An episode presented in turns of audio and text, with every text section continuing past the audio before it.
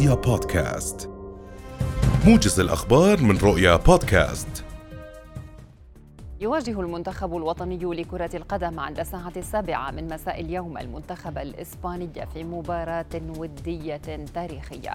المدرب عدنان حمد قال إن المنتخب الوطني يسعى للخروج بأفضل فائدة من المباراة، مشيرا إلى أنه سيقابل فريقا من أفضل فرق العالم في مناسبة مهمة للفريق وهو في طريقه إلى نهائيات كأس العالم.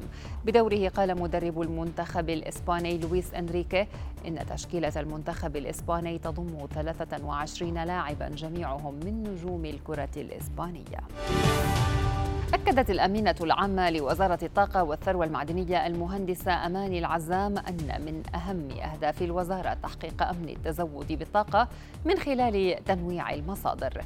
العزام كشفت في حديثها لرؤيا اليوم عن خطة تقوم الوزارة بإعدادها بالتعاون مع شركائها لتحويل قطاع النقل العام نحو النقل الكهربائي، مؤكدة أن التحول نحو النقل الكهربائي سيخفف من استيراد النفط وسيزيد من القدرة على استغلال الطاقة المتجددة والاعتماد عليها.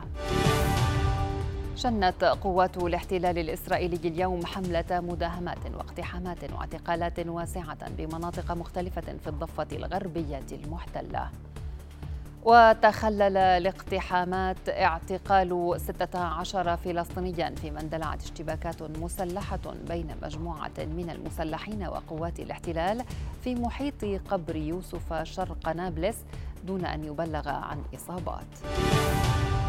اقتحم عشرات المستوطنين اليوم باحات المسجد الأقصى المبارك الحرم القدسي الشريف بمدينة القدس المحتلة واعتقلت شرطة الاحتلال الإسرائيلي أحد حراسه. المستوطنون اقتحموا المسجد الأقصى من جهة باب المغاربة بحراسة مشددة من شرطة الاحتلال الإسرائيلي الخاصة المدججة بالسلاح ونفذوا جولات مشبوهة وأدوا طقوسا تلمودية استفزازية في باحاته وسط التصدي لهم بالطرد وهتافات التكبير الاحتجاجية من قبل المصلين والمرابطين وحراس المسجد الأقصى المبارك.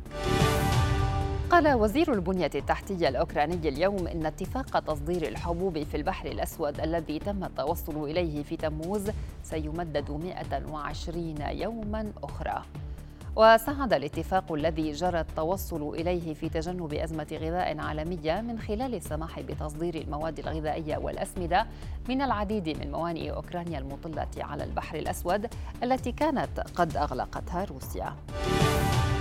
نجح الجمهوريون في انتزاع الغالبية من الديمقراطيين في مجلس النواب الأمريكي ما يضمن لهم قاعدة تشريعية ضئيلة تتيح لهم على الأقل معارضة برنامج عمل الرئيس جو بايدن خلال العامين المقبلين وسط انقسام السلطة في الكونغرس.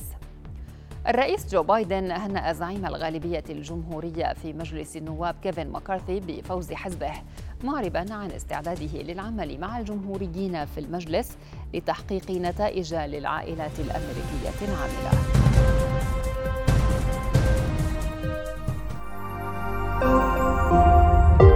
رؤيا بودكاست.